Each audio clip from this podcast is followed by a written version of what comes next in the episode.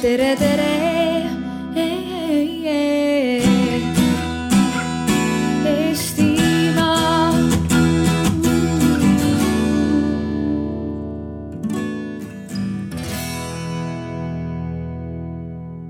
Aga tere tulemast siis Eesti kahesaja arutelule. et äh, kahjuks meil pidi olema siin paneelis ka meie erakonna strateeg Marek Reinaas, aga ta paar päeva tagasi murdis jalaluu. ja kahjuks ta jah, ei saanud siia kohale tulla.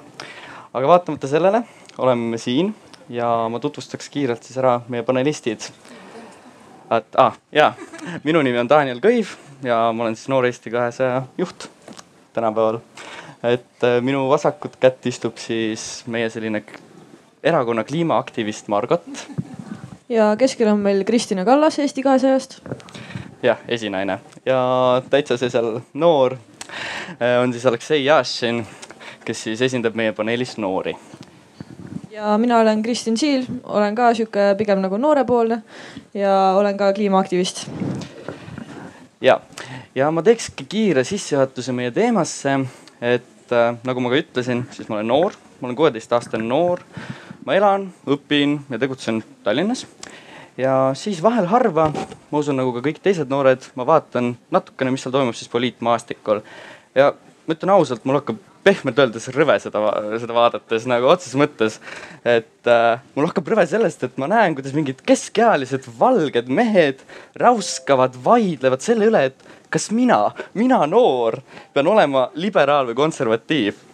kas, et nagu ma ei tea, minu meelest on see täiesti absurdne ja noh, ma vaatan sellele peale ja siis ma olen nagu, et mind absoluutselt ei koti mind absoluutselt ei koti, kas ta on liberaal, kas ta on konservatiiv. mind kotib see, et sorry, et teie keskealised põletate mu maailma. et teie keskealised otsustate selle üle, et kellega ma magan, kus ma magan, miks ma magan.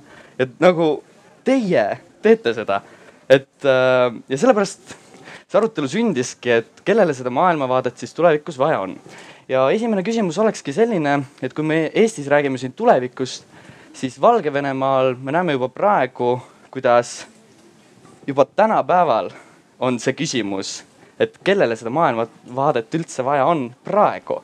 me näeme, kuidas tuhanded, kümned tuhanded noored tulevad tänavatele selleks, et protestida selle režiimi vastu ja neid ei huvita, kes nad on, neid huvitab see ühine eesmärk. Nad tahavad olla vabad. et Kristina, et kommenteeri seda siis jah ütlesin, et uh, Daniel, et äh, mul on nii vihased noored inimesed erakonnas ma ma isegi ei teadnud seda ähm,.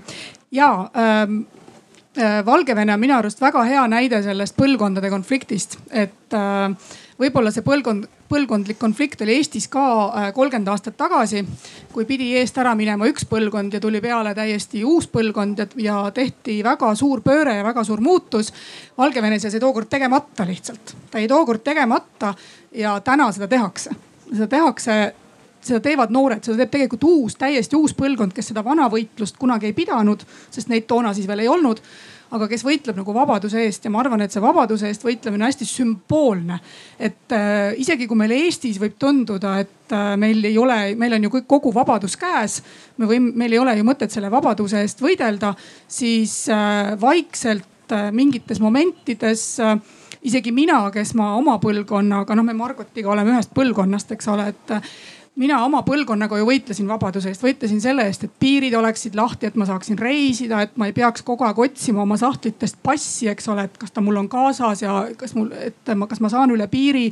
selle eest, et ma saaksin õppida seal, kus ma tahan ja noh, põhimõtteliselt ikkagi vabadust valida endale head kvaliteetset eriala ja haridust ja selle eest ma kõige eest võitlesin ja see võitlus tundus, et on nagu võidetud ja siis järsku äh, täna äh, hakatakse jälle piire sulgema, hakatakse vaidlema selle üle, kes tohib kuhu üle piiri minna, kes tohib meile külla tulla, kes ei tohi meile külla tulla, kes tohib siin töötada, kes ei tohi siin töötada.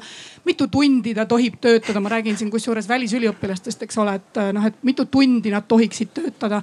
et äh, natuke mulle tõesti tundub ka, et me, isegi mina keskealisena tunnen, et, et me oleme natuke tagasi nende vabaduste võitluste juures aga ma ei tea, Daniel või, või Kristin või noored, kes te siin olete, et mis, et kas teil on ka mingi vabaduse puuduse tunnetus? sa, sa mainisid küll seda armastusvabadust arm,, vabadust armastada kedagi ja see võitlus on meil tõesti Eestis äh, noh jätkuvalt käsil, aga, aga mis, mis, mis need asjad veel on, mis, mis noortele, mis noori nagu ärevaks teevad, et, et eks seda, eks seda noorte ärevust ju tunnen ka mina.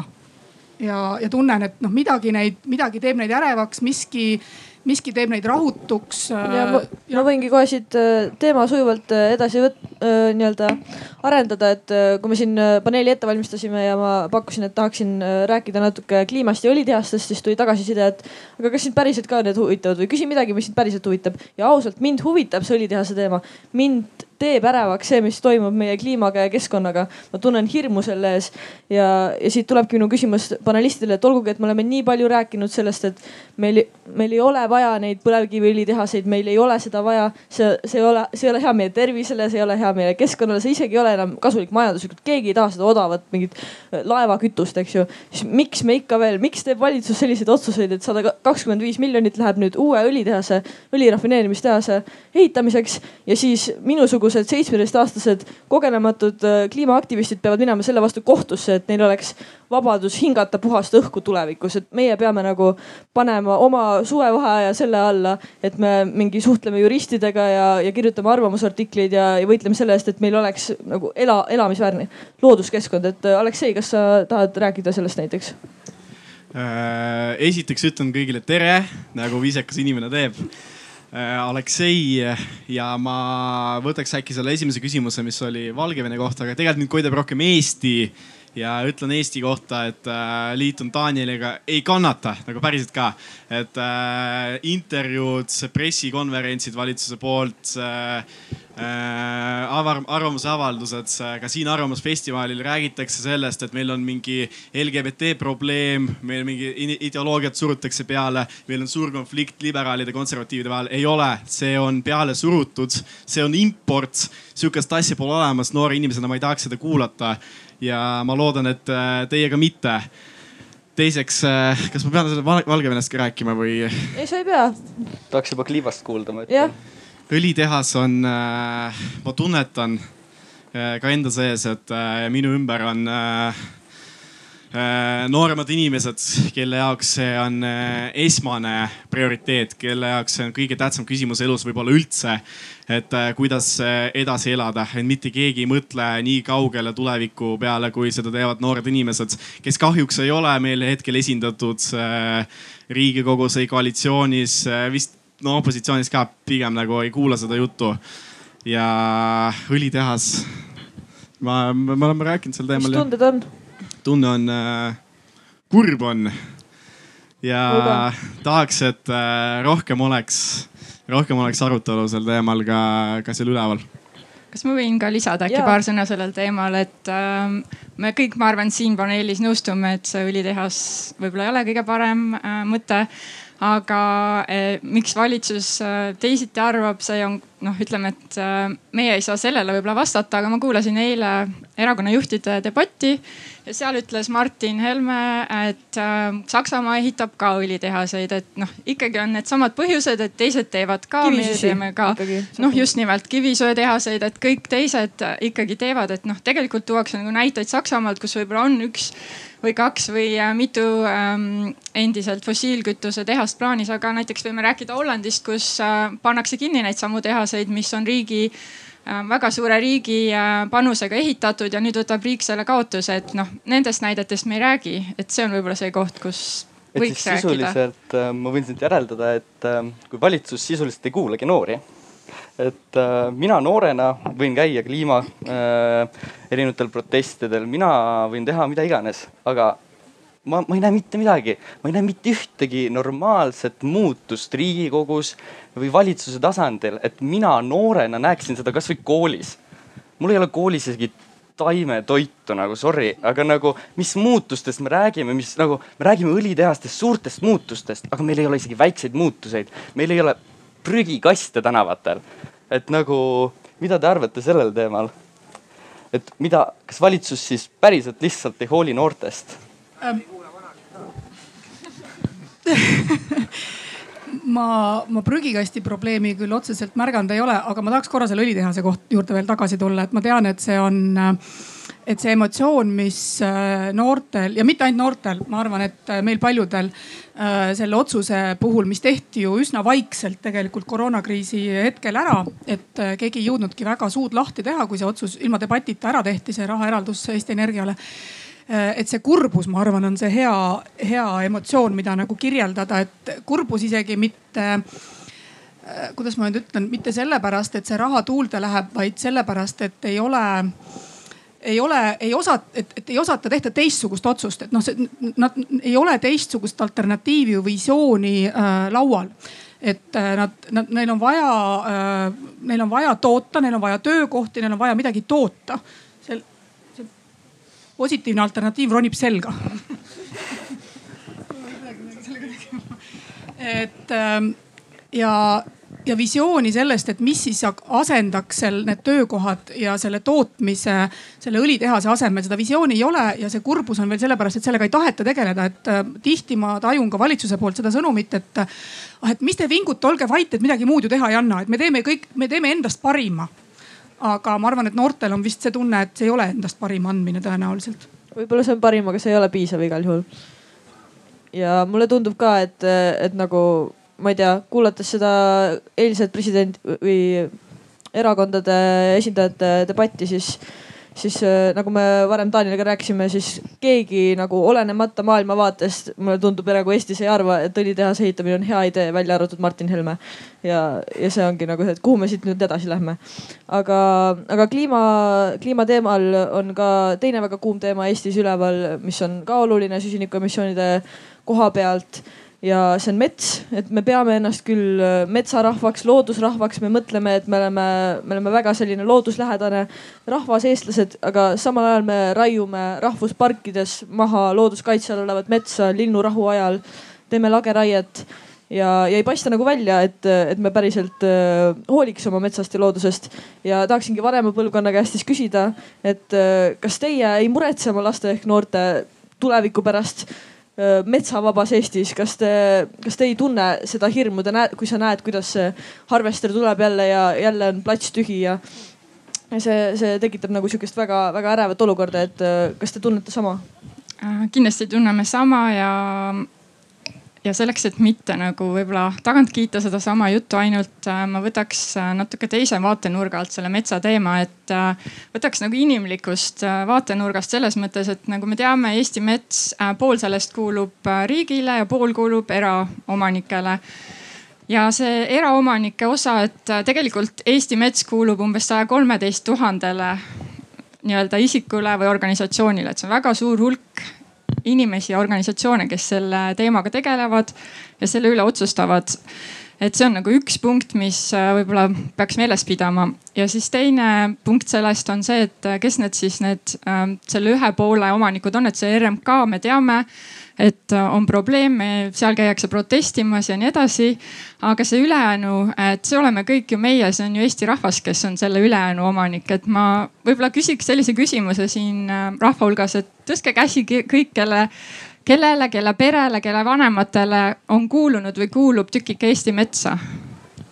nii, enamus käed tõusid ja nüüd ma võib-olla tahaks küsida selle järgmise küsimuse, et äh, kui palju teist teavad või ähm, ütleme, et kui palju on äh, müüdud osaliselt või äh, kogu see mets, et ma ei tea, kas te tahate seda kätt tõsta selle koha pealt, võib-olla isegi ei ole vaja, aga noh, see on väga huvitav nagu äh, selline põhjus-tagajärg seose leidmine kogu selle teemaga. et äh, väga suure osa sellest müüdud metsast äh,, ma arvan, et minu põlvkond või äh, natuke vanemad inimesed on pannud näiteks sellesse, et nende lapsed saaksid välismaale õppima minna on pannud sellesse, et, äh, et neil oleks võib-olla laenu sissemakse, et kodu osta, et äh, mingi osa sellest kindlasti on läinud ka võib-olla noh, väga headel eesmärkidel.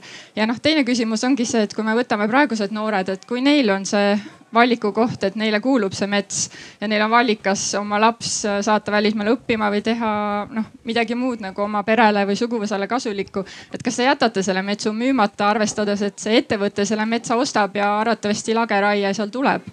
et äh, need on nagu väga nagu sellised teemad, mis tegelikult puudutavad meid kõiki ja mida noh, väga tihti ei taheta nagu sellel teemal rääkida, et, et see nagu keskkonna ja kliimaga seoses on neid piinlikkuse teemasid tegelikult väga palju ja me kõik tegelikult, ma arvan, jõuame selleni, et, et me võime leida mingi valdkonna, milles me kõik tunneme piinlikkust, olgu see siis, ma ei tea, liiga palju liha söömine, olgu see siis ma ei tea, suure autoga sõitmine või lendamine või ma ei tea, keskkonnavaenuliku küünelaki kasutamine või noh, et see läheb nagu väga paljude väikeste otsusteni, aga tulles tagasi selle metsa juurde, et äh, ma arvan, et äh, sellel on hästi palju tähelepanu, et võib-olla see tähelepanu praegu ikkagi aitab veel teha neid muutusi nii riigimetsamajanduses kui ka noh, loodetavasti need erametsaomanikud võib-olla teevad selle otsuse teisiti ja ei äh, müü seda kõike maha ja võib-olla vähemalt istutavad asemele siis äh, selle metsa sinna ja noh, kindlasti riigi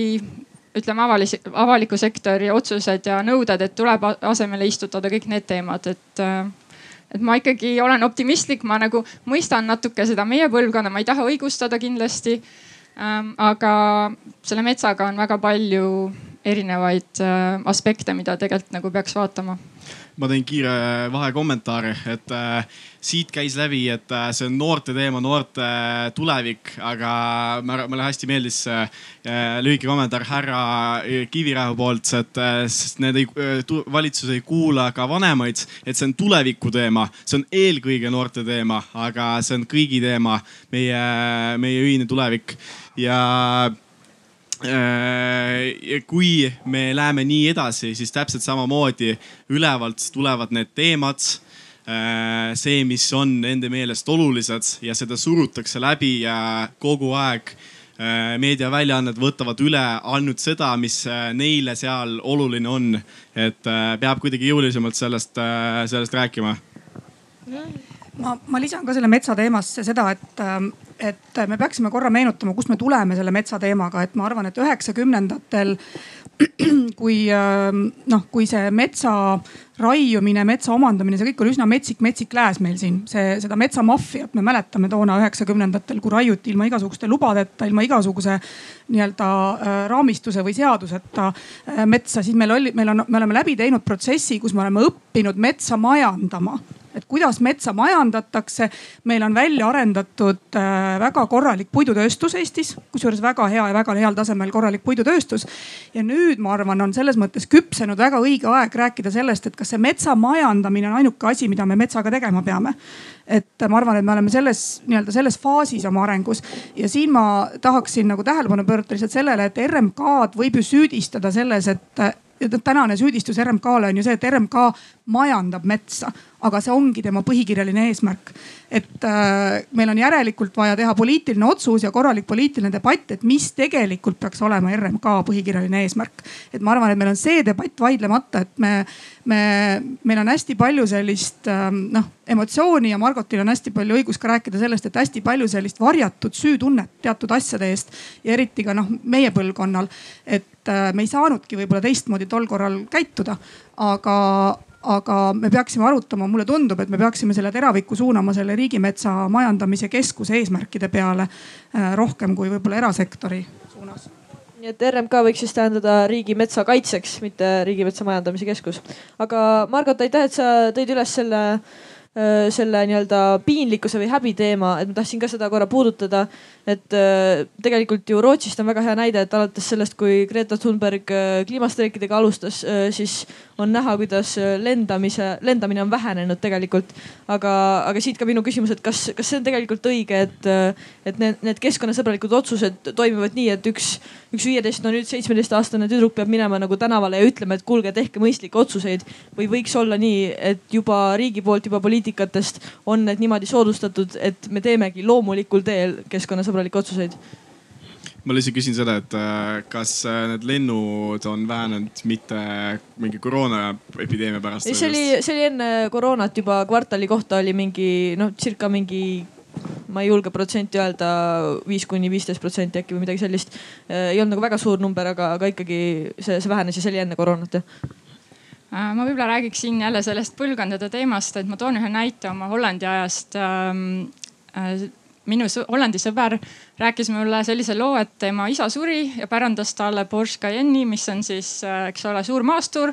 Ta mõtles, mis teha, okei okay,, emotsionaalne väärtus, isa auto ja nii edasi, jättis selle endale siis alles, müüs enda väiksema auto maha ja siis ühel päeval ta läks oma kümneaastast poega Amsterdamis kooli viima, kuna oli halb ilm, muidu ta muidugi käib rattaga. ja siis poeg ütles talle, et, et ema, et äh, pane mind natuke koolist kaugemal maha, et ma ei taha, et äh, nähakse, et ma selle autoga tulen kooli. kuna meie õpetaja on rääkinud, et see ei ole keskkonnale hea, see ei ole linna õhule hea ja ma olen nagu uncool, kui ma selle autoga saabun. et äh, see on nagu üks näide sellest, kuidas järgmine põlvkond võib-olla teeb palju rohkemat, kui me nagu arvata oskame ja noh, Eestis kindlasti veel ei ole päris sinna jõudnud äh, meie, ütleme siis äh, keskkond või ühiskond, aga ma näen ka esimesi märke siin juba sellest ja noh, siin võib nagu nende häbidega, võib-olla see häbi ei ole kõige parem viis, aga see toimib tegelikult, et äh, võib-olla selline liiga suure auto häbi, võib-olla liiga suure maja häbi ühel päeval kõik need asjad, võib-olla see, et ei pea nagu, võib-olla see häbi, et sa ei püga oma muru kogu aia ulatuses äh, ühe millimeetri kõrguseks ja jätad ka nagu mesilastele ja linnukestele sinna väiksed siilud. et see kõik nagu tuleb ikkagi selle ühiskonna muutumise ja see tuleb nagu ikkagi see, see häbi on võib-olla vale sõna, aga need äh, ütleme siis uued viisid mõelda ma loodan, et see uus põlvkond ikkagi toob selle meieni ja noh, võib-olla see on valus ja piinlik algul, aga, aga see mõjub. aga te peate ka kaasa aitama, sest me üksi ei jaksa seda tuua. üritame. ütleme seda, et skeptikud kindlasti väidavad, et see Porsche Cayenne'i lugu on äh, jällegi mingi propagandakoolist, et tüdruk ise ei mõelnud seda välja, vaid talle sisustati seda. et kuidas ma peaksin nendega rääkima ma tahtsin sellest lennuhäbist korra jälle, äh, ma vanem inimene siin vist, kui mitte kõige vanem siin paneelis. et äh, mina mäletan seda aega, kui mina, kui me tegelikult väga lennata ei saanud, et äh, mina enne üheksakümne üheksandat aastat oma elus lendasin ühe korra, kusjuures Krimmi puhkama äh, emaga, kui ma olin kaheteistaastane ja see tundus nagu selline mingi väga-väga erakordne asi, et äh, ma arvan, et ma olin ainuke oma kõige laiemas tutvusringkonnas, kes kaheteistaastaselt oli üldse lennukiga lennanud. ja siis üheksakümne üheksandal aastal hakkasin ma regulaarsemalt lendama, kuna ma hakkasin tööle Euroopa Komisjonis. no Eesti oli saanud just assotsieerunud liikmeks. lennupiletid maksid äh, tollal äh, minu noh pool kuupalgast sisuliselt et äh, noh, Euroopa Komisjon maksis kinni, aga noh, lennuhind oli nii kallis. lennujaamad olid siuksed imepisikesed, Tallinna lennujaam oli tõesti miniatuurne. Äh, inimesi oli vähe, sest lennata, lendamist said lubada endale ainult kõrgema äriklassi äh, inimesed. ja nüüd me oleme kolmekümne aastaga jõudnud justkui nagu sellesse punkti tagasi, kus, kus lendamine peaks muutuma mingiks selles mõttes hästi kalliks Äh, ainult vähestele lubatud ja neile põhjendatud äh, asjaks, et ülejäänud inimesed peaksid nagu sellest loobuma. ma arvan, et minu põlvkonnale on seda väga raske. Äh, noh, meil on väga raske seda omaks võtta, sest me ei saa sellest võib-olla lõpuni aru. aga iga et, suur muutus algabki ja aga see, aga see on, see on selle arusaamise küsimus, et, et mis ma ometi tahaks, peaks tagasi minema sinna, kus ei olnud hea et, et noh, ei olnud ju hea see, et ma ei saanud puhkusereisile Itaaliasse lennata, sest pilet oli nii paganama kallis. Et ma ei saanud võtta oma lapsi kaasa ja minna puhkusereisile, mitte keegi ei saanud endale seda lubada üheksakümne üheksandal aastal. et, äh, et kas ma tahan sinna tagasi minna, et ma arvan, et see vastuseis sellele, sellele nii-öelda lendamise häbistamisele tuleb sealt, meie põlvkonnalt. Aga võib-olla oleks lahendus see, et on ikkagi mingi mõistlikkuse limiit, sellepärast et väga paljud inimesed ikkagi lendavadki kuus mitu korda kuhugile nädalavahetuseks teise linna shoppama või ma ei tea, mida tegema, et äh, noh, see äärmus, kuhu me nüüd oleme jõudnud, võib-olla ka ei ole päris hea ikkagi Eh, koroonaga oli selles mõttes tuli hea välja, et kõik need projekti koosolekud, mida tavaliselt rahvusvaheliselt peetakse, võiks täiesti vabalt Zoom'is ära pidada, sest nende, nende jaoks lendamine kuhugi Lissaboni ja, ja, ja tegelikult asja, mille saab kahe tunniga Zoom'is ära ajada, ma arvan, et see on tõesti see äärmus, mille võiks, millest on lihtne loobuda. aga millest ei ole lihtne loobuda, on ikkagi sellest äh, nii-öelda noh, soovist oma perega lennata Itaaliasse puhkama ja minul on pere väga suur, mul on palju lapsi. et äh, noh, meie jala, nii-öelda jalajälg on ilmselt väga suur pluss siis see, et äh, kuna mu pere on kahe riigi vahel ära jaotatud ma, ja selle kahe riigi vahel ei ole lühike distants, ma pean ka lendama kogu aeg, et, äh, et noh, ma ei ole valmis sellest loobuma. ma saan sellest, ma saan sellest kliima vastutusest aru, aga ma tunnistan ausalt, et ma ei ole valmis sellest loobuma ja lihtsalt äh, minus võib-olla tekkis sihuke arusaamatus, et äh, küsimus ei ole nagu liikumisvabadus, et seda niikuinii, et ma arvan, minu meelest peaks muutuma lihtsalt liikumise kontseptsioon, et miks lennuk kogu aeg. et äh, rõhutame lihtsalt alternatiivseid transportimisvõimalusi, rongi.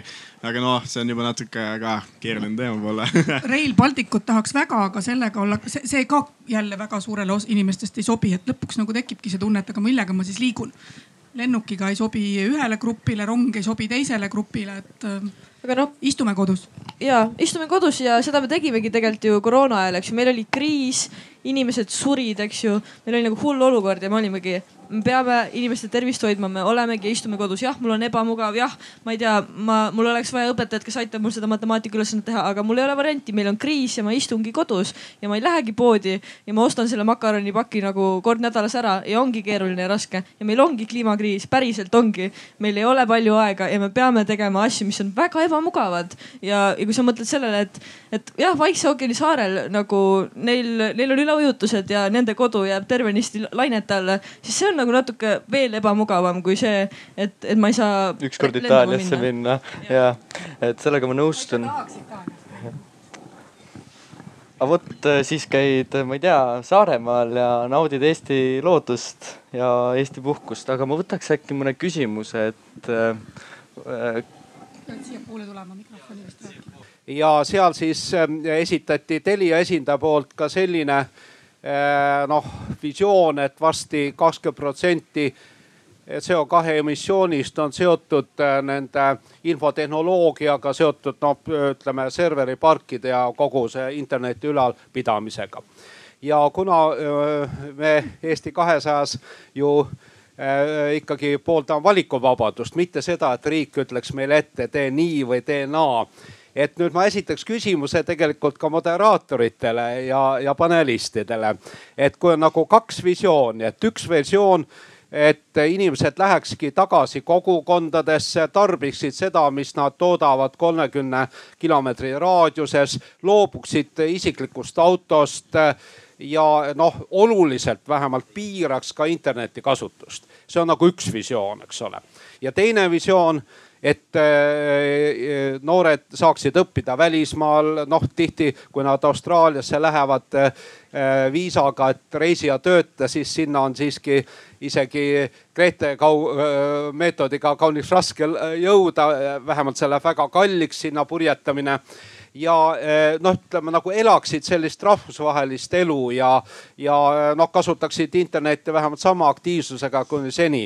mis te arvate, mitu protsenti Eesti noortest. Eh, mulle Daniel defineeris ära ka, kes on noor aasta kaheksateist kuni või oli kuusteist kuni kakskümmend neli. mitu protsenti Eesti noortest selles vanuses äh, pigem eelistaksid visiooni, esimest visiooni ehk tagasi külakogukondadesse, pigem toodame kõike koha peal niivõrd, kui see on võimalik, eks ole. ja teist visiooni, et rahvusvahelistumine jätkub. kes tahab alustada?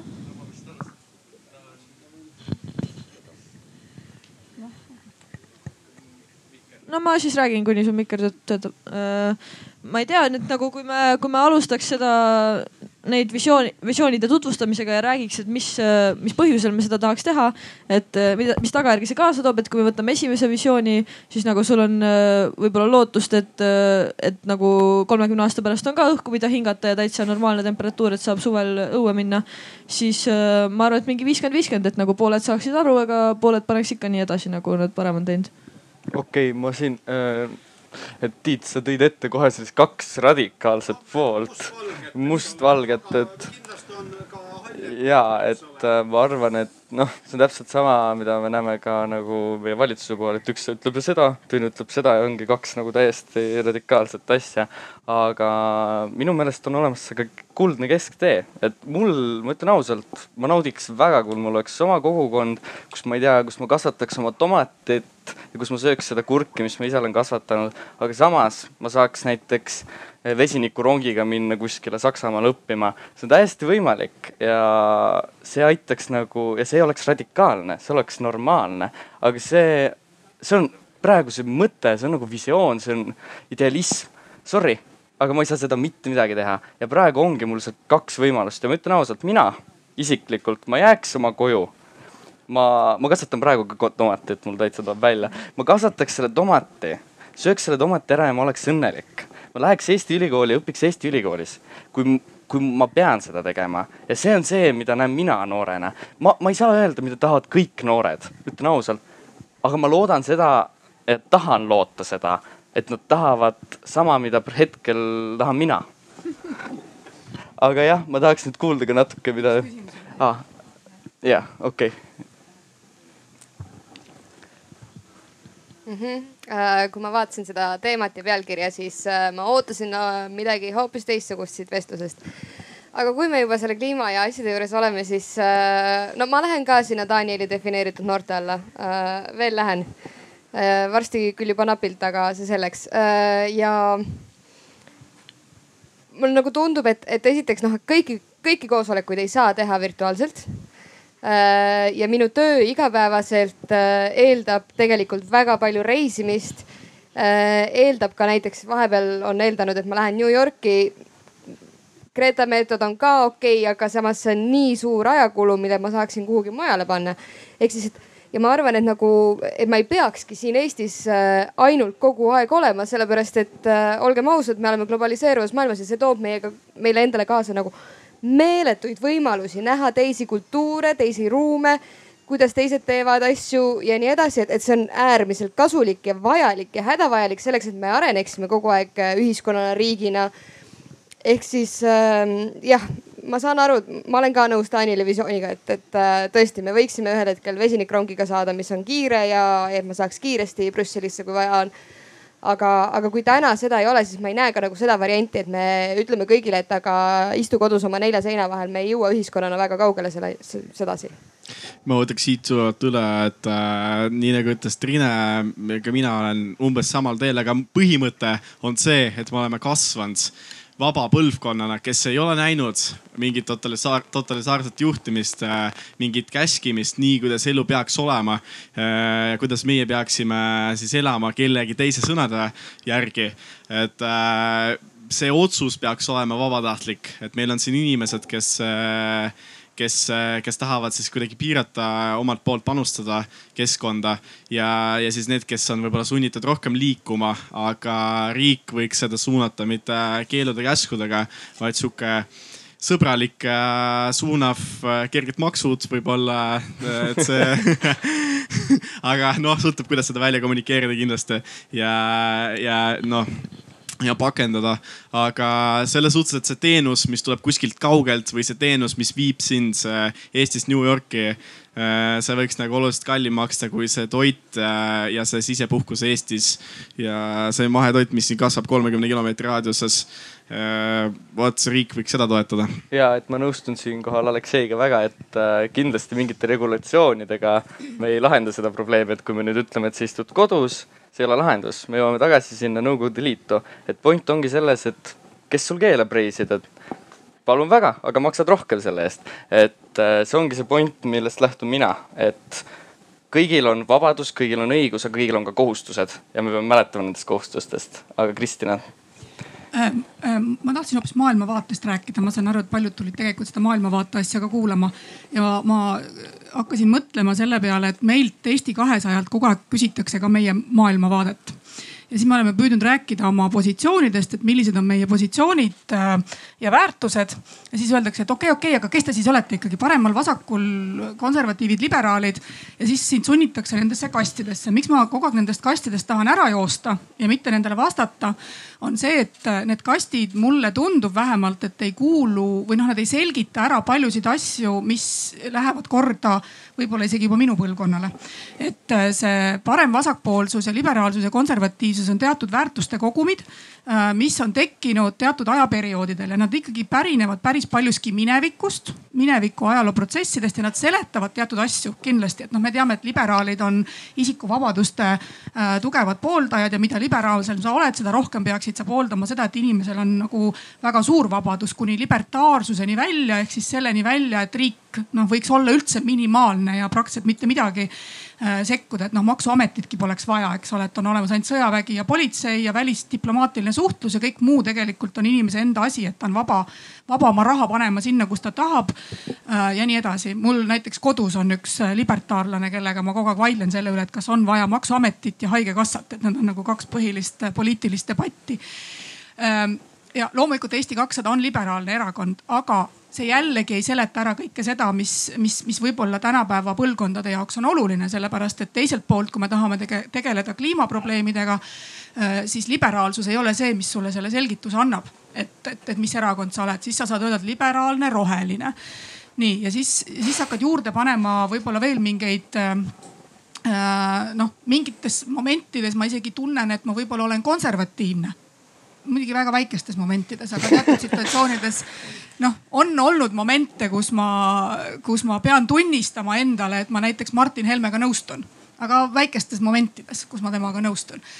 et, ähm, et noh, mulle tundub, et see, see liberaalne, konservatiivne, parem-vasak on mingil määral oma aja ära elanud ja ma võib-olla, vähemalt mulle tundub ja nüüd ma tahaks ikkagi ka noorte käest kuulda, et, et äh, kui keegi äh, noh, ühesõnaga, et see, see pidev see küsimus ajakirjanike poolt ja, ja mõnede inimeste poolt, et kes te olete, mulle tundub, et see on nagu mingi äh, gurmaanidele see, et nemad tahaksid meid, meid, meid täpselt teada saada, millisesse kasti meid panna võib.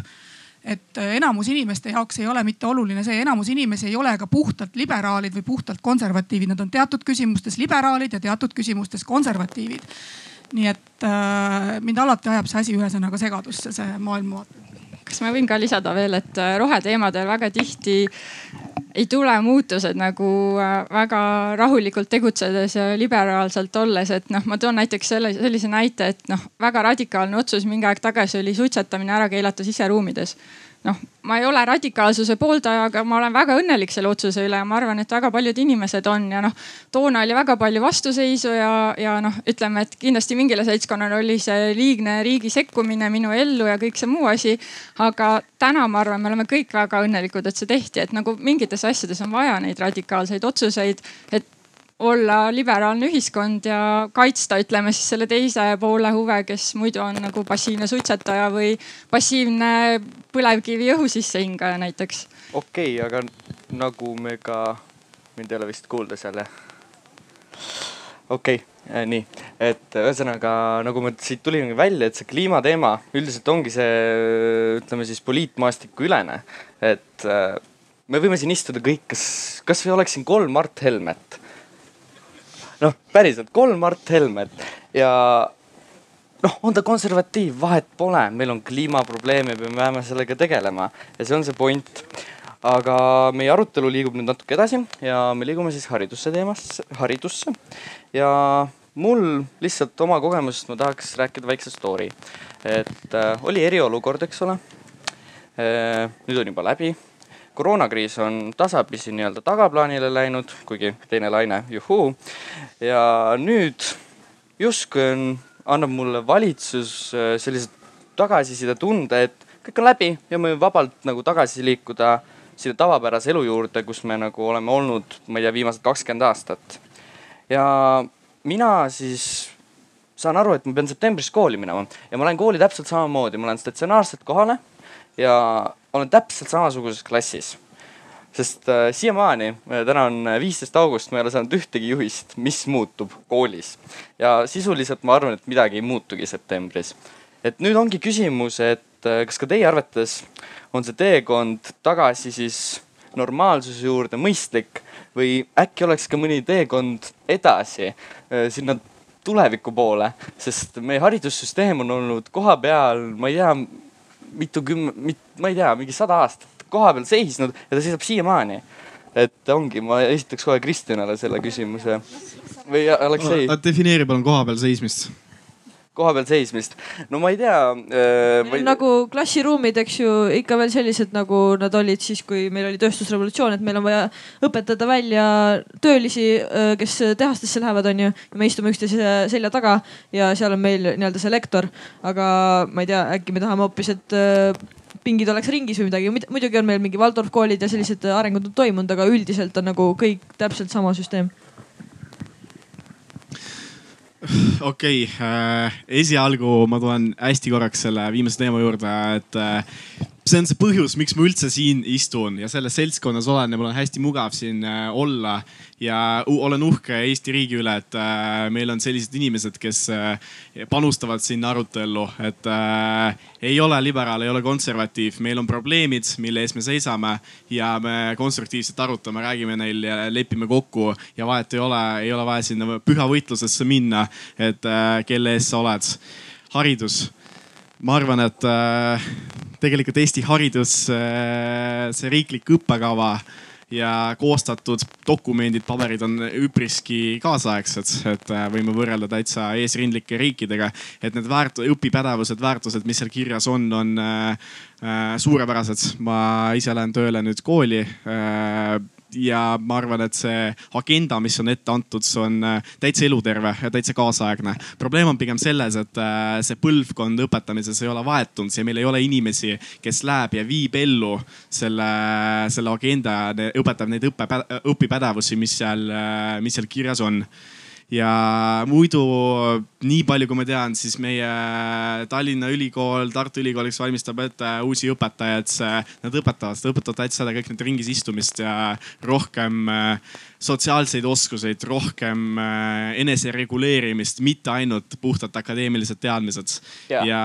ma olen sinuga täiesti nõu, nõus, aga vaatamata sellele jääme me ikka statsionaarselt klassi. et kas meil ei ole tulnud aeg, kus me võib-olla peaksime kasvõi poolenisti olema digis, võib-olla me peaks lähtuma personaalselt, et iga see laps, noor, kes seal koolis õpib, saaks valida selle teekonna, mille ta tahab. et äkki ta tahabki õppida selles kaug, kaugõppes, äkki talle sobis see koroonaaeg ja äkki ta noh, noh, päris paljudel noortel ju tulid ka palju paremad tulemused, et kas keegi soovib kommenteerida? ja äh, just, et ma arvan, et äh, seda on, oleks väga kahju, kui me koroona äh, kriisi ajal loodud võimalused jätaksime kasutamata. et me oleme Eesti haridus, ma olen tegelikult Alekseiga väga nõus, meil on väga, väga hea haridussüsteem. üsna hästi toimiv haridussüsteem, mis ei tähenda seda, et ta on ideaalne. aga noh üldiselt võiks nagu kiita. ja muuseas, Aleksei äh, läheb nüüd noore õpetajana tööle äh, Ida-Virumaale, nii et ma arvan, et ma kiidaks teda isiklikult väga hästi selle, selle asja eest. et äh, mis, mis see koroona, mis meile koroona näitas, on see, et õppida on võimalik ka väljaspool klassiruumi. et see õpetajate hirm äh, aastaid ja aastaid selle üle, et me ei saa neid äh, kaasaegseid õpikäsitlust rakendada, sellepärast et ma ei tea tegelikult, kas ta päriselt, kas ta teeb, kui ta mul klassis ei ole et kas ta õpib ka siis, kui ta mul klassiruumis ei ole, et see hirm sai, ma arvan, nüüd ületatud, sest selgus, et õpib küll. Et õpib küll väljaspool klassiruumi. Ja nüüd äh, uuesti siis septembris selles mõttes minna tagasi selle vana normaalsuse juurde, et äh, tuua jälle kõik uuesti klassiruumi ja hakata samamoodi õpetama kõiki ühtemoodi. ma arvan, et see on selles mõttes kaotus, et me võiksime, me oleks võinud või võiksime sellest koroonast õppida seda, et me peaksime seda õpet äh, tegema oluliselt rohkem väljaspool klassiruumi, äh, oluliselt rohkem ka distantsilt võimaldama õppida neil, kes tahavad individuaalselt äh, oma õpirada pidi minna, sest tõesti väga paljudele lastele sobis see, et nad ei ole selles noh, ütleme siis lärmakas ja sotsiaalselt intensiivses klassiruumis, et nad õpivad üksi, keskenduvad, neil läheb kauem aega, nad ei pea selle neljakümne viie minuti jooksul suutma seda ülesannet, eks ole, ära teha. et kasutame seda võimalust, minul on kolm last, kes olid koduõppes, see oli päris õudne see oli päris äh, minule kohutavalt kurnav, aga mul nendest kolmest lapsest üks, kes ütles, et talle väga sobis ja ma nägin, et talle see väga sobis. kaks tahtsid kooli tagasi ja, ja ootavad esimest septembrit väga pikisilmi, aga ühele sobis. ja ma ei tahaks teda, et, et ta sellest nagu sellest võimalusest tegelikult nautida õppimist äh, ilma jääks selle tõttu, et ta surutakse tagasi sinna klassiruumi, ta, ta ei ole väga ekstravertne inimene, ta on väga introvertne poiss mul. et äh, ma tahaks, et ta oleks mõned päevad kodus ja laseks individuaalset rada pidi ja ma arvan, et see on võimalik. lihtsalt, et siin on vaja kuidagi nagu ma arvan isegi poliitilist kokkulepet, et me, et me selle suuna võtame hariduses, et me hakkame natuke diferentseerima neid õpiteid laste jaoks. et äh, ei pea kõik olema kell kaheksa, viisteist hommikul nii-öelda üles reastatud klassiruumis, et ainult kui need ei ole klassiruumis, siis järelikult nad ei õpi ja kui nad on klassiruumis, et siis nad õpivad, et ma arvan, et sellest, sellest suhtumisest võiks nüüd edasi minna. ja, aga see eeldab väga paljusid äh, muutusi õpikorralduses äh,, õppekavades äh,, õpp, riiklikes õppekavades ja koolide õppekorralduses et ja seda ei saa teha niimoodi, et iga kool hakkab seda individuaalselt tegema. ma muidu hindan Eesti haridussüsteemis seda väga, et meie koolidel on väga suur autonoomia, ma arvan, see on üks väärtus, millest tuleks kõvasti nagu kinni hoida. aga teatud muutuste läbiviimisel äh, ei saa suhtuda sellesse, et ah las iga kool vaatab, kuidas ta seda teeb, eks ole, et, et igal koolil on oma autonoomia, et ma arvan, et äh, koolid vajavad ka selliseid suuremaid suuniseid haridusjuhtimises, et kuhu me selle hariduskorraldusega siis Eestis ikkagi liigume ja ma tahaks, et haridusministeerium ütleks, et äh, kasutame rohkem võimalust sisse viia individuaalseid õpiteid noortele. ja muuseas, see ühtne Eesti kool see, millest Eesti kakssada mitu korda rääkinud, et meil ei ole lapsed eraldi koolimajadesse nii-öelda lukku pandud, et venekeelsed lapsed siia ja eestikeelsed lapsed siia. ja siis me lukustame sinna venekeelsete lastega ka need venekeelsed õpetajad ja venekeelsed lapsevanemad ja siis me pärast hakkame nuputama, kuidas me neid nüüd seal kõiki integreerima Eestiga hakkame. Eks ole, et äh, see see virt-, nii-öelda digitaalne distants, digitaalne õpe võimaldab need lapsed virtuaalruumis ühte ruumi tuua, ühte õpiruumi tuua, et me, me loome neile need üheksanda klassi matemaatika õpikeskkonna, digitaalse õpikeskkonna, kus nad koos õpivad. Nad ei pea selleks füüsiliselt äh, ka isegi ruume vahetama, et, äh, et ma arvan, et see koroona näitas meile, et ka see on võimalik lisan ka seda, et äh, puhtalt kontaktivaba õpe ei ole see, mida ma tahan ja ma arvan, ja kindlasti mitte on see vastus. lihtsalt, et oleks selgus majas. Daniel, ma tean, et sulle väga meeldis kodus õppida ja sa oled väga võimekas individuaalne õppija. aga selles suhtes, et see sotsiaalne keskkond, see on asendamatu selleks, et toime tulla äh, eluterve tulevikuga nii-öelda ühiskonnas. sa pead aeg-ajalt kasvõi noh, sõltub ju sinu erivajadustest või äh, sinu sellest õppekavast. sa pead ikka kooli jõudma ja seal inimestega koos midagi ägedat tegema. aga Kristin mainis siin integratsiooni ka juba, et äh, Daniel, kas sa tahad äh, võib-olla selle, seda teemat natuke avada? ja ma usun, et äh, täitsa võib, et äh, et äh, jah, rääkides integratsioonist koolides, siis mul ongi väga konkreetne küsimus, et et äh, millal ma saan oma kaua lubatud integratsiooni? mul on väga konkreetne vastus. minu enda visioonis ja missioonis on kirjas kolmteist aastat on jäänud. ja sõnastasin seda kaks aastat tagasi, kui Eesti kakssada oli tulemas äh, poliitmaastikule. ja mida ma näen, ma näen seda, et kolmeteistkümne aasta pärast äh, meil on Eestis umbes kolm, viissada kolmkümmend midagi kooli ja nendest seitsekümmend circa on venekeelsed ja ma näen seda, et äh, need lapsed seal ei käi enam äh, eraldi oma, oma koolimajas, et need koolimajas on, koolimajad on koos, võib-olla seal on eraldi eesti klass, eraldi keelekümblusklass, aga põhiline on see, et nad hängiks koos, neil oleks tore koos. et äh, professionaalid õpetajad looks neile toreda keskkonna, kus äh, elutervelt täpselt nii nagu Eesti ühiskonnas saaks läbi käia, mitte nii nagu oli minu lapsepõlves. nii, mitte nii nagu mina käisin koolis ja ma julgen väita, et see oli mingi, mingis mõttes trauma ma tulin koolist välja ja siis ühiskond ei olnudki selline, nagu oli kool. ma käisin venekeelses koolis ja ma ei taha, et äh, põlvkondade kaupa tuleks täpselt sama teema iga kord ja uussisserändajate puhul täpselt samamoodi. kool võiks sama olla, äh, võiks olla eestikeelne, sada protsenti eestikeelne õpe, võiks olla keelekümblus, võiks olla vene lastele rohkem seda vene keelt. aga üritused on koos ja see on äge, see on see, mida meie tahame. kas Daniel, mul on õigus? Ja, et selles mõttes nagu ma ütlen ausalt, noh mind ausalt ei, isegi ei huvita, kas on eestlane, kas ta on venelane, see on ammu ära vaieldud selles mõttes, et mind huvitab, kes ta on isiksusena, see on täpselt sama, et äh, noh, nagu teeb meie valitsus, ta ronib mu voodisse, et see on täpselt sama põhimõte minu jaoks, et nagu sorry, aga ma tahan lihtsalt suhelda nende inimestega, mind ei huvita et äh, kust nad on tulnud äh, utreeritult, mitte selles mõttes, et äh, mind üldse ei huvita, et jah, et see nii ongi. aga mul on küsimus, et miks just kolmteist aastat? kas saaks kiiremini?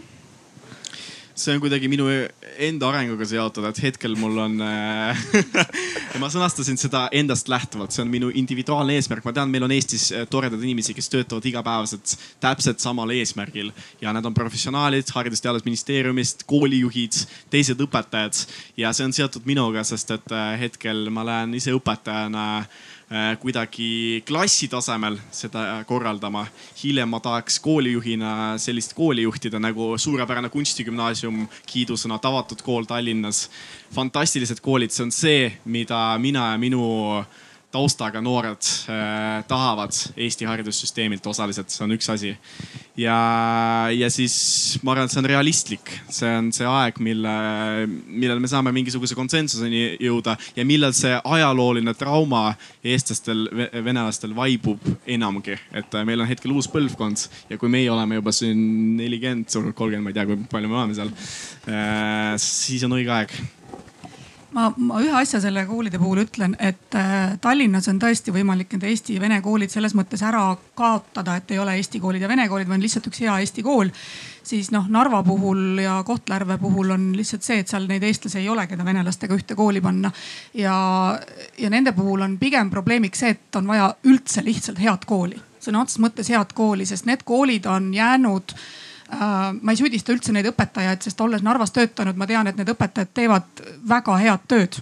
et seal ei ole mõtet õpetajaid süüdistada, vaid see, et vaba nii-öelda valitsuse tähelepanu, riigi tähelepanu nende koolidel on olematu olnud. Nad on seal omaette püüdnud üsna väikese ressursiga äh, nii-öelda võimalikult head haridust anda, aga see tähelepanu ja ressurss, mis sinna juurde on vaja selleks, et seal oleksid head õpetajad, seal oleks noori õpetajaid, seal oleks eesti keelt hästi valdavaid õpetajaid. et, äh, et seda on hädasti vaja. Narva kolledž valmistab ette äh, venekeelsetele koolidele keelekümblusõpetajaid ja klassiõpetajaid, kes siis peaksid õpetama eesti keeles. meil ei, meil ei tulnud sinna kunagi praktiliselt õppima eestlasi, meile tulid sinna õppima vene, vene noored ise, kes tahtsid saada eesti keeles, eesti keeles õpetavaks õpetajaks see oli väga vaevaline protsess teha neist esiteks väga head eesti keele valdajad, sest nad tegelikult ei vallanud eesti keelt piisavalt selleks, et saada üldse eesti keele õpetajaks, aga samal ajal pidid nad õppima ära ka pedagoogika ja kõik metoodika ja didaktika aga ega Narva kolledžis õppides ei olnud õppekava pikem kui Tartu Ülikoolis õppides, et noh, see, see tempo ja see surve, mis nendel noortel inimestel oli äh, õpetajakutse saamiseks, äh, oli hästi suur ja väga paljud jätsid pooleli. Nad lihtsalt ei jõudnud seda kõike nagu läbi teha. ja ma tundsin, et meil on vaja kõvasti raha juurde kolledžile, Narva kolledžile selleks, et äh, palju individuaalsemalt iga selle üliõpilasega vaeva näha, kes tulevikus kooli tööle läheb. et me ei saa sellist vabriku vabrikuõpetaja koolitust teha Narvas et eh, noh, nii nagu Tartus, eks ole, paned klassitäie eh, nii-öelda loenguks eh, noori täis, loed eestikeelse loengu ära, nad teevad märkmeid, lähevad, tulevad, teevad eksami, kõik läheb hästi. sul on Narvas vaja iga selle tulevase õpetajaga hästi individuaalselt tööd teha ja mitte ainult isegi keele pärast, vaid nad päriselt, nii nagu Aleksei ütles, nad nagu tulevad mingist muust maailmast, et nad, nad, nad ei, nad ei tea noh kui sa küsid nende käest, et millal on Eesti Vabariigi aastapäev, siis nad võivad sulle kaks kolmandikku võivad sulle eksamil valesti vastata. et äh, noh, seal on ka probleem. Et äh, meil on, meil on vaja palju rohkem tähelepanu vene, tänaste vene koolide jaoks õpetajate ettevalmistamiseks, et kes on need inimesed, kes sinna tööle lähevad ja lihtsalt vahemärkusena, nad ei ole selle vastu, et nad ei tea. see ei ole põhimõtteline otsus, sest et ei räägita sellest. ja, ja ongi vanemad õpetajad, kes on lõpetanud äh, Peterburis pedagoogilist instituuti kolmkümmend aastat tagasi ja jätkuvalt õpetavad ja nad ei too neid äh, tänapäeva Eesti väärtusi nendele noortele. kui ma tulin koolist välja, tutvusin ülikoolis eh, uute toredate inimestega, siis see oli absoluutselt uus maailm minu jaoks. Ja see oli nagu midagi sellist, ma olin väga pettunud, et miks mulle ei antud seda varem. Ja, ja samas ma ei süüdista neid õpetajaid, akadeemiliselt nad olid täitsa okeid ja võib-olla nad ise lihtsalt ei tarbi äh, seda inforuumi ja nad ise ei ole valmis neid väärtusi edastama, neil on vaja appi tulla ühesõnaga Aleksei on meile lubanud integratsiooni, kolmteist aastat läheb aega. kolmteist aastat, et jätke kõik meelde, pange kirja. aga ma võtaks veel paar küsimust, meil on natukene aega, kui me liigume edasi. hariduse teemal. hariduse teemal, kui keegi soovib. seal keskel. Kristelale äh, aitäh äh, rääkimast, aga kõrgharidus on ka haridustee osa või vähemalt ma tahaks loota, et on. mulle endale küll päris meeldis äh, õppida ja loodan edasi õppida ka. missuguseid muutusi oleks vaja kõrghariduses näha, mis on need äh, esimesed no,, õigemini, kas on vaja muutusi näha, võib-olla võiks samamoodi edasi, edasi seilata, aga võib-olla võiks ikka midagi arendada ka. ja, ja ma täiendaks seda küsimust, et äh, kui te vastate sellele, et kas ma saan veel tasuta kõrgharidust või ei saa ähm,? Tasuta kõrgharidus on väga hea asi, kui riik selle eest ka maksaks. Et äh, meil ei ole see raha, mis täna ülikoolid saavad, on äh, oluliselt väiksem kui millega nad opereerisid siis, kui sa nad üliõp-, kui, kui nad said üliõpilastelt tasu võtta ehk siis, et äh, ülikoolidele suruti tasuta kõrgharidus peale, aga raha juurde ei antud. ja tulemuseks on tõesti see ja ma, ma pean tunnistama, et ülikoolid on hakanud raha otsima, no mis neil üle jääb, eks ole, et nad on läinud siis sinna, kus seda raha saab selleks, et äh, väärilist palka maksta. ja seda raha täna, täna Eesti seaduste raames saab võtta ainult ingliskeelsetelt õppekavadelt ja selle tõttu neid ingliskeelseid õppekavasid ka rohkem avatakse. et äh, noh, siin riik minnes täitma ühte eesmärki, tekitas tegelikult hoopis vastupidise tulemuse sellele, mida ta soovis saada. aga siis saab tasuta õppida või ei saa äh,? ei peaks saama ikka. tähendab, et ma, ma olen tasuta õppega, tasuta kõrghariduse poolt, aga oluliselt suurema rahastusega, kui see täna on. ja, ja samas äh, me ei tohiks äh, Eesti ülikoole sulgeda välismaailmale, et noh, seda tendentsi ma täna valitsuses näen, seda tahtmist, et, et keelame ingliskeelse õppe ära, keelame välistudengite vastuvõtmise ära, paneme kinni, ei luba. see on väga ohtlik see on väga ohtlik, sellepärast et kõrgharidus toimib rahvusvahelisel kõrgharidusturul ja, ja see kõrghariduskvaliteet sõltub hästi palju sellest, kui palju sinu teadlased, kes sul ülikoolis töötavad, teevad rahvusvahelist teadustööd.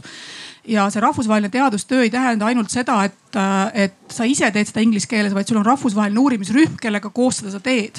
ja sul on rahvusvahelised professorid, kes sinuga koos seda teadustööd teevad, et kui me hakkame sulgema, kui ma ei hakka neid inimesi siia lubama, siis meie kõrghariduse kvaliteet langeb langeb väga tugevasti ja seda ei ole vaja kus, kusjuures kuskilt kaugelt minna vaatama, sest äh, Läti, meie lähinaaber, kes on olnud kõrghariduses palju rangem keelekontrollija, noh selles mõttes õppekeele kontrollija, kus ei tohi inglise keeles õpetada, äh, kus välismaalasi väga kõrgkoolidesse sisse tööle ei lasta, tulemuseks on ikkagi see, et nende kõrghariduskvaliteet on kordi madalam kui meil. kui sa vaatad ülikoolide neid, neid pingeridasid, siis Läti ülikoolid algavad seitsmesajast ja tuhandest kohast, eks ole. Tartu Ülikool on tänaseks kolmesaja kahekümnendal kohal maailmas.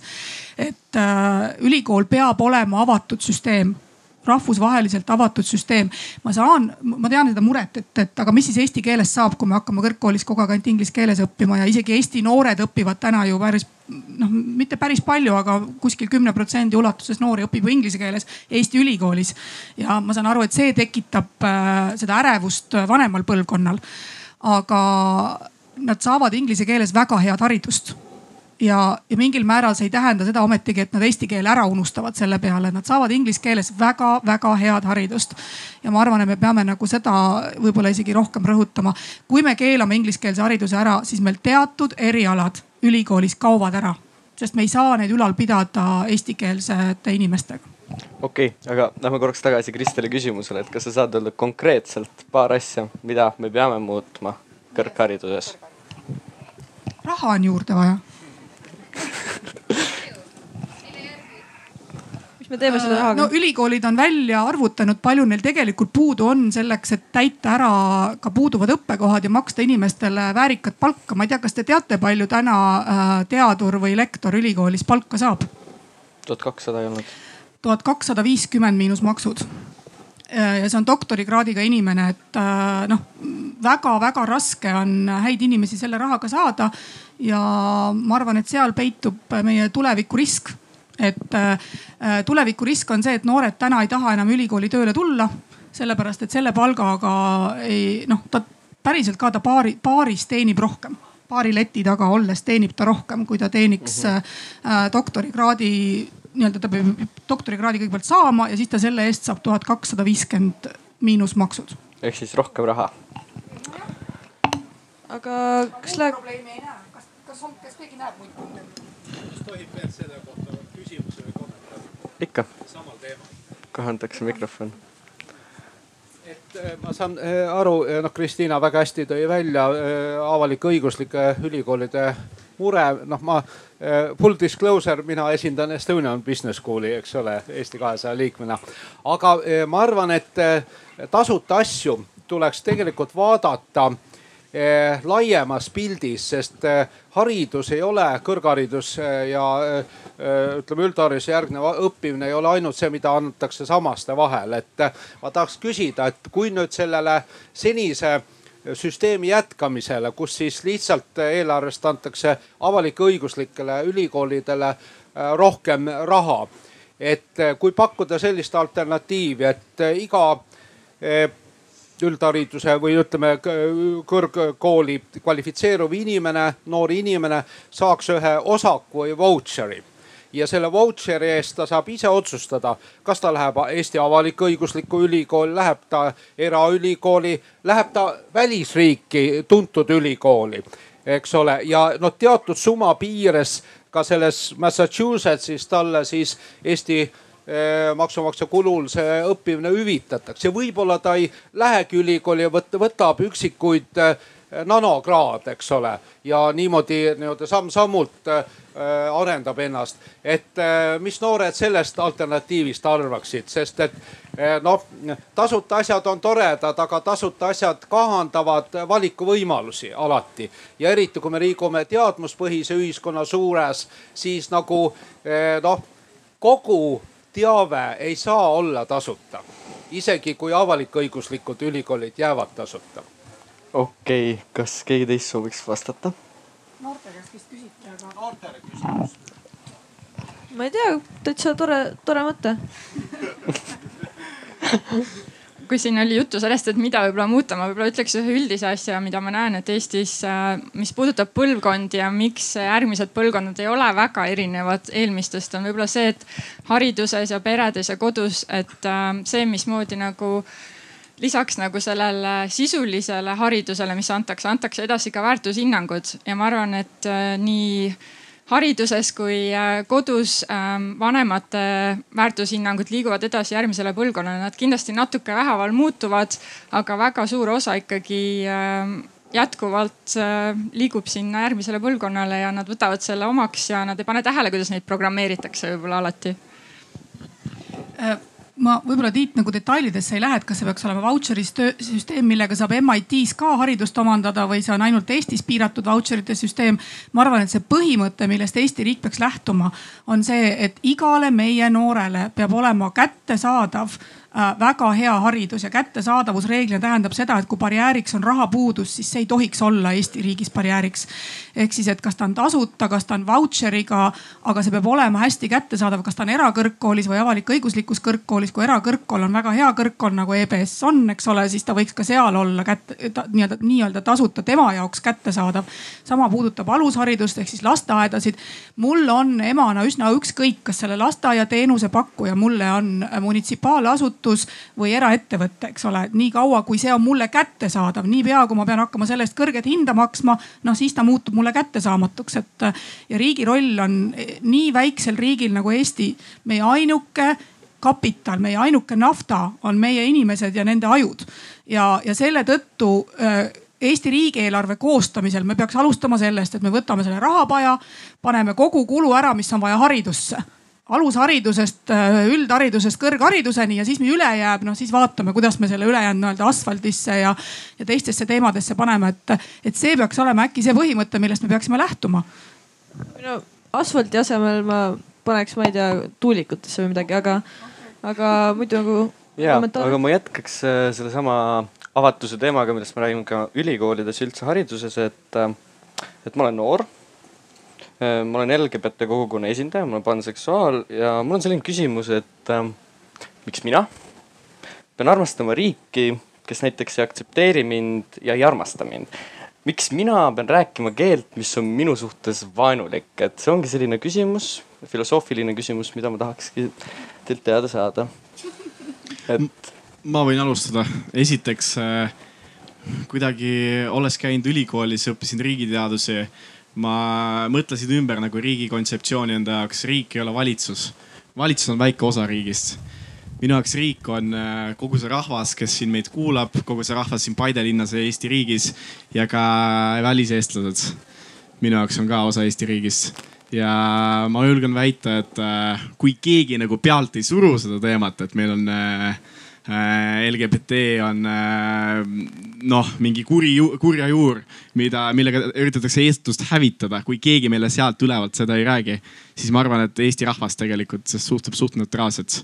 aga ta räägib ja sellest räägitakse ja seda surutakse peale. ma arvan, et see on ebaloomulik, et sihuke arutelu üldse Eesti riigis on, et see on põhiteema Eesti poliitmaastikul mingis mõttes. ja, aga ma arvan, et see seltskond siin, et me väga aktsepteerime ja armastame sind, Daniel. aitäh, aga see ongi selline minu jaoks väga absurdne, et äh, mul läks mõte lendama üks hetk, et Kristjan jätkab, ma lisan pärast noh, ma, ma saan aru, et see on äh, sulle nagu emotsionaalselt äh, keeruline, aga ma täiesti nõustun Alekseiga, et äh, kohati on mulle tegelikult tundub seesama nagu eestlaste ja venelaste teema, et kui seda meile ülevalt peale ei surutaks, kui mingi väike punt inimesi ei kasutaks seda teemat ära enda noh poliittehnoloogilistes võtetes, et kuidagi kuskil kontoris on ära kalkuleeritud, äh, milliseid protsenti hääli nad võiksid kuskilt marginaalsest äärest kätte saada, kui nad seda teemat push ivad. et äh, siis meil seda lõhet tõenäoliselt ühiskonnas poleks olnud, meil ei oleks seda lõhet et, ma... Äh, noh, see, see on, see on, ma väidan, et see on poliittehnoloogilise võttega ja kusjuures väljaspoolt sisse imporditud poliittehnoloogilise võttega tekitatud ühiskondlik lõhe Eestis. eestlased on inimesed, kes ei roni teiste inimeste magamistuppa reeglina. sellest ma räägingi. ja, sellest... ja ma arvan, et see ei ole teema, mis, mis tegelikult muudaks kellegi elu paremaks või, või keegi arvaks, et selle teemaga tegelemine lahendab ära tema probleemid. et äh, see on pseudo, selles mõttes pseudoteema, et mitte see, mitte see mure ise, vaid see, et selle tekitamine viib tähelepanu eemale palju olulisematest asjadest, mis meil Eestis päriselt inimeste muresid puudutavad ja millega peaks tegelikult tegelema. see erakond, kes seda lükkab, ma väidan seda, et see erakond, kes lükkab, jah, ta saab emotsionaalse, sellise emotsionaalse äh, mobilisatsiooni, et mingi hulk inimesi, see teema mobiliseerib mingit hulka inimesi. aga selleks see jääbki ehk siis, et see jääb selliseks emotsionaalseks puhanguks, sellel, sellest, sellest ei tule mingit tolku, sellest ei lahene ükski probleem. Äh, sellest ei lähe paremaks mitte kellelgi. et äh, noh, see on, see on täpselt sama teema nagu eestlaste-venelaste teema, et, et tõmbaks nagu sae käima.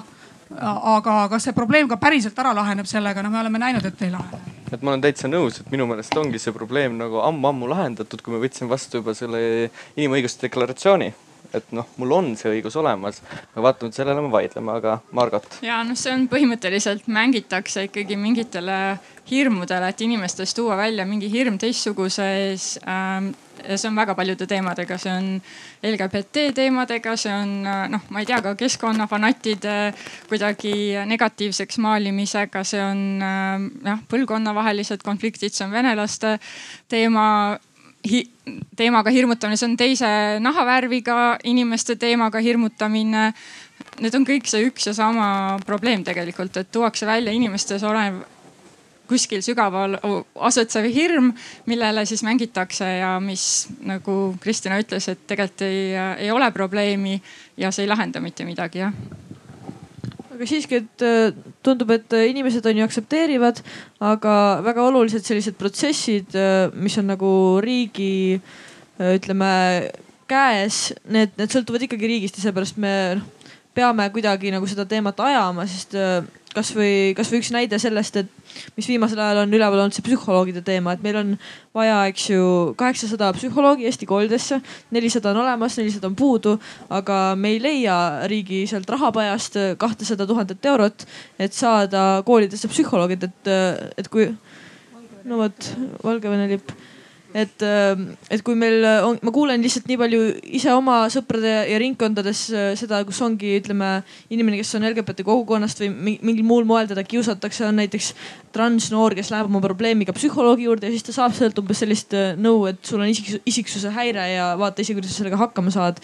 ja, ja siin see on nagu see, et jah, meie ümber inimesed võivad meid, meid äh, aktsepteerida, aga kui need institutsioonid ei aktsepteeri ja ei aita, siis on ikka väga keeruline, et mida siis peale hakata ja et ma siin lisan, et ongi, et me ei leia kakssada tuhat samas meil on kolm miljonit, et maksta advokaadibüroole, meil on äh, üks koma seitse miljonit maksta Reformierakonnale raha, aga meil ei, me ei leia siiamaani kakssada tuhat, et ma nüüd adresseerin edasi teile. ja, ja see on nüüd see äh, teema tõesti, mis puudutab noorte vaimset tervist ja, või noh, inimeste vaimset tervist üldse ja noorte vaimset tervist ja kiusamist ja kogu seda psühholoogilist tuge, mida noored täna tunnevad ilmselt, et nad ei saa sealt, kust nad võiksid seda saada. ja see ressursipuudus on seal päris karjuv. et see on see teema, mis mulle, mulle samamoodi tundub, et äh, täna äh, nii-öelda rahapaja juures need, kes otsustavad, kuidas raha jagada, nendeni see teema tegelikult ei ole jõudnud, et on üksikud riigikogu saadikud, kes päris, päris korralikult sellelt sellega vaeva näevad, näiteks nagu Liina Kersna, kes tõsiselt teeb tööd selleks, et see sõnum nagu kohale viia, aga üksinda sa tegelikult midagi ära ei tee. ja selles mõttes on üllatav, et ükski erakond, kes täna riigikogus on, ei, ei, ei võta tõsiselt seda vaimse tervise teemat ja seda psühholoogilise abi vajadust juba koolides endas. ma arvan, et koroonakriisiga tuli see veel eriti välja, kui suur roll on koolipsühholoogil õppeprotsessis.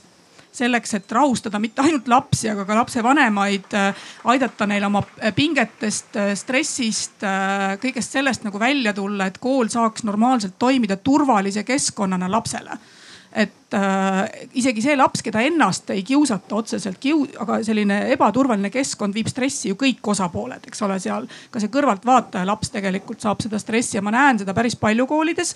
ja see on tõsine probleem ja ma arvan, et see on üks asi, mille, mis mis ma arvan, koos noortega tuleb panna niivõrd suure kella külge kui võimalik, mis on tegemist selle noorte toetamisega, selle vaimse tervise ja psühholoogilise abi toetamisega. meil on pool psühholooge puudu tullaks korraks tagasi LGBT teema juurde, et kui te küsite minu käest, mis ma arvan, äh, mida saab teha selleks, et täna kaitsta neid, seda vähemust ja pakkuda neile abikätt, siis ma arvan, et suur-suur äh, probleem oleks see, kui päriselt aastal kaks tuhat kakskümmend üks oktoobris kohalikel äh, valimistel tuleb küsimus, et kas, mis me teeme selle kooseluseadusega. see on hull värk minu meelest. kui te ei taha elada Ungaris, ei taha elada Venemaal siis see on see teema, kus te võtsite, võiksite sõna võtta aktiivse kodanikuna, öelda oma sõpradele, kes on äh, Isamaas, Keskerakonnas, võib-olla ka kolm, kolmandas äh, koalitsioonierakonnas, ei tea, kas on mõtet üldse öelda, sest et see on kindel plaan, kindel minek, see on nende strateegia. ja ma arvan, et ei tohiks lubada, et sihuke küsimus tuleks rahvahääletusel, sest et vähemuste teemade üle ei vaielda ja seda ei panda rahvahääletusele ja kes tahab selle üle arutelu kuulata, siis referendumi arutelu on samamoodi kell neli hakkab seal äh, inimõiguste alal, kui ma õigesti mäletan. ei, täpselt siinsamas algabki ja, et siinsamas jätkad, jätkatakse sellega. et äh, jah, see on täiesti. ei et äh, mul on veel üks viimane teema ja peale seda ma võtaks küsimusi, kui on neid, et äh, veel juunis või kevadel, kui võeti vastu lisaeelarve, mm, analüüsisime me seda ja seal tuli selline väga huvitav äh, asi välja, et äh, MTÜ-l, MTÜ-le nimega Kirikud eraldati siis sellest lisaeelarvest kaks miljonit. aga MTÜ-dele nimega Noored äh, vähendati eelarvet saja kuuekümne tuhande võrra. ja mul ongi selline küsimus, et et äh, mida te arvate selle valitsuse otsusest, selle prioriteedist, et MTÜ-d nimega kirikud on tähtsamad kui MTÜ-d nimega noored? ma arvan, et äh, kellel oli äh, Jüri Ratase telefoninumber telefonis ja selle raha sai. et ma, ma ei tahaks öelda, et kirikutele ei tohiks raha anda, vastu, et ma arvan, et see ei ole see vaidlus, et lihtsalt noored oleks pidanud ka saama. aga kuna noortel ei ole oma esindatust, oma nagu sellist äh, poliitilist musklit, millega tegelikult seda välja nõuda võib-olla. Äh, siis, äh, siis noh, siis juhtuski nii lihtsalt. et see on lihtsalt mu analüüs, miks nii juhtus. mitte, et see õige on.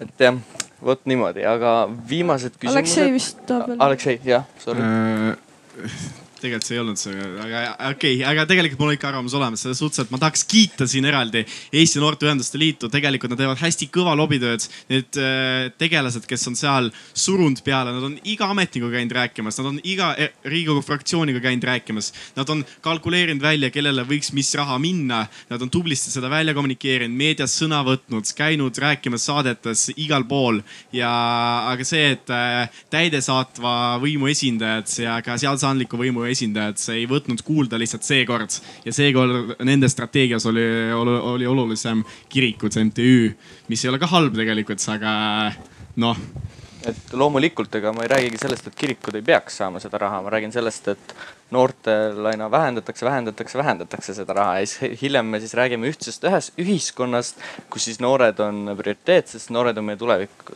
aga vaatamata sellele need teod, mida nad teevad, nagu me siit arutelust oleme ka aru saanud, on nagu väga masendavad, päriselt ka väga masendavad, et äh, sisuliselt äh, pray for me, pray for us, et äh, me tulevikus nagu saame hakkama. aga on siis küsimusi, ei ole? ja seal on veel, veel.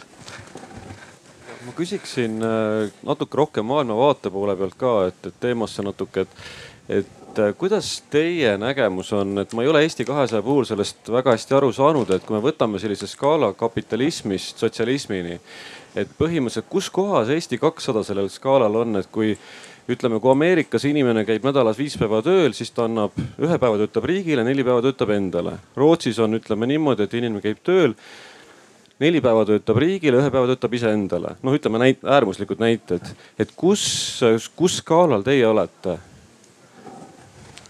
et Kristina erakonna esinaine.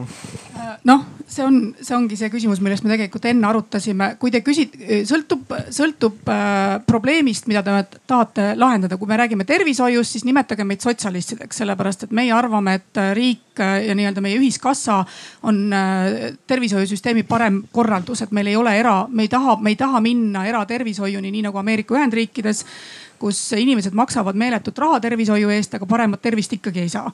nii et äh, maailmas on juba tõestanud ennast see, et selles mõttes sotsialistlik tervishoiusüsteem ehk siis, et see, et meil on ühine rahakassa, millega me seda tervist äh, üksteisel aitame parandada, et see tegelikult toimib Äh, kui te küsite meie käest äh, ettevõtluse poolt ja majandust, siis me oleme kapitalistid, sellepärast et me usume seda, et riigi ülesanne ei ole tegeleda toetuste laiali jagamise, jagamisega ettevõtlusele, vaid riigi ülesanne on luua see töö, see keskkond, et need ettevõtted saaksid ise tegutseda.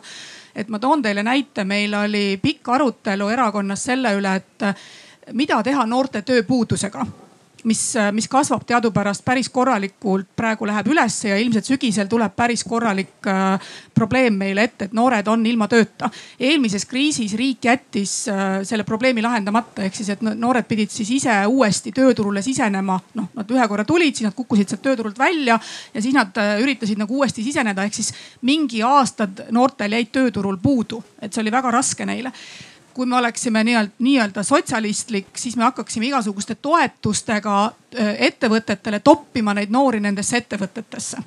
Eks ole, et noh, et me üks toetus ja teine toetus ja kolmas toetus, et nagu riik nii-öelda oma toetustega suunab meie, meile tundus see ikkagi meie maailmavaatega mitte kohanevat, et ettevõt-, ka meie ettevõtjad, keda meil on erakonnas hästi palju, ütlesid meile, et ärge pakkuge meile toetusi, ettevõtja ei taha toetusi. ettevõtja tahab, et et te näiteks laseksite meil mingi perioodi sotsiaalmaksu vabaks, et ma saaksin ise tegelikult selle noore tööle võtta. et mul ei ole vaja teie toetust, mul on vaja teie tuge äh, ise oma äri teha ja ise otsustada oma äri osas, nii et äh, lõpuks me äh, leidsime, et äh, Eesti riik peaks tõsiselt kaaluma kaaluma äh, sotsiaalmaksuvabastust esimese tööaasta, noore esimese tööaasta kohta, ehk siis, et äh, nime, nimetame seda esimese töökoha seaduseks. kus me võtame Eesti riigis vastu selle, et kui võetakse vastu noor tööle esimesele töökohale, siis tema esimene tööaasta on sotsiaalmaksuvaba näiteks tööandjale. noh, kas see seletab meie maailmavaadet, ma loodan, et seletab. et jah, siit me jõuamegi selleni, et äh,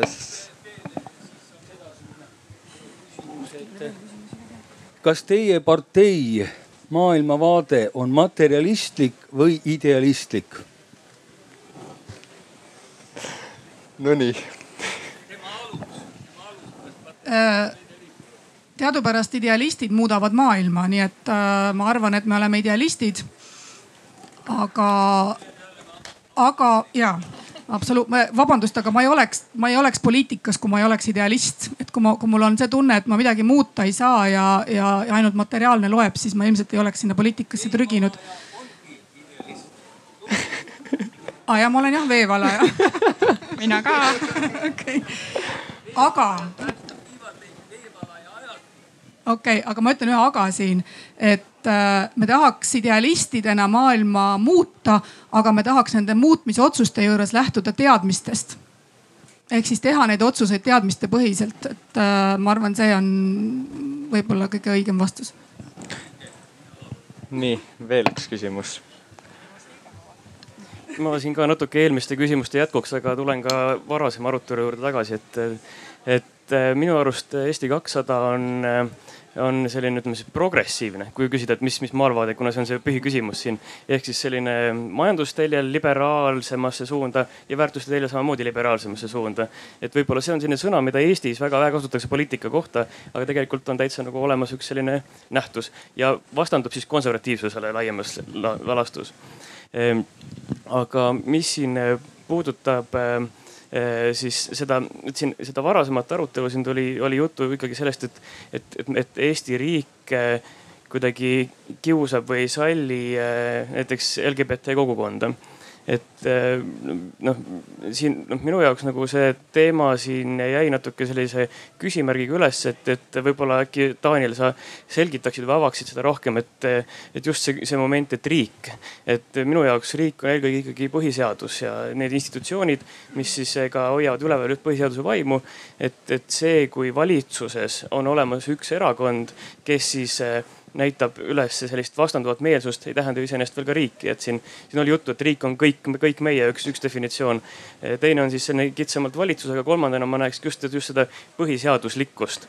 et, et, et iseenesest, kui nüüd meil on juba olemas näiteks kooseluseadus see on olemas ja kehtib ja, ja tõesti just seesama, et magamistuppa ju ei tungita ja nii edasi. et tegelikult nagu selles riigi dimensioonis väga palju seda kiusamist ei ole. et, et võib-olla ma... lihtsalt arutlemiseks. ei, ma täitsa nõustun selles mõttes, ega ma kas sa oled kindel, et sa nõustud sellega, sest et mul on kommentaar selle osas.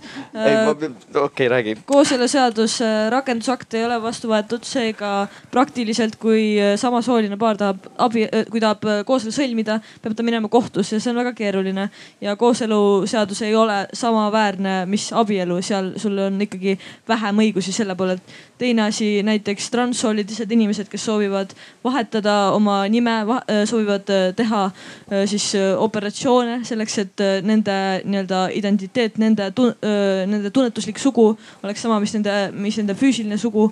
siis see on samamoodi väga keeruline protsess, kui sa tahad näiteks nime vahetada, sa pead põhjendama, sa pead käima kohtutes ja seletama inimestele, et miks sa tahad seda teha, kes sa siis ikkagi oled mis, missugu, et noh, see, see on nagu, seal on tegelikult äh, praktikas nagu väga-väga palju siukseid äh, pisiasju, mis ei jõua paljude inimesteni või näiteks kui sa oled, kui sa juba äh, sotsiaalselt nagu presenteerid kui mingi teise soo esindaja, näiteks sa oled bioloogilise soo järgi mees, aga sul on pikad juuksed, sa kannad kleite ja sa lähed alkoholipoodi ja sul küsitakse näiteks isikutunnistust, eks ju. ja sa näitad neile pilti, passi, kus sa näed välja täiesti teistsugune, siis tekitab see küsimusi ja ebamugavust. et sellised nagu seaduslikud protseduurid on päris üsna keerulised ja, ja ma täiesti saan aru, et need ei jõua enamiku suure avalikkuse ette, siis tundubki, et mis, mis probleem on, et, et ei diskrimineerita ju, aga see ei ole ainult valitsuserakondade väljaütlemised, vaid need on reaalselt seadused, mis ei ole veel ja. kõik väga heas siinkohal olukorras. ma nõustun Kristiniga ja et need seadused on olemas, aga selles mõttes jah, ma ise,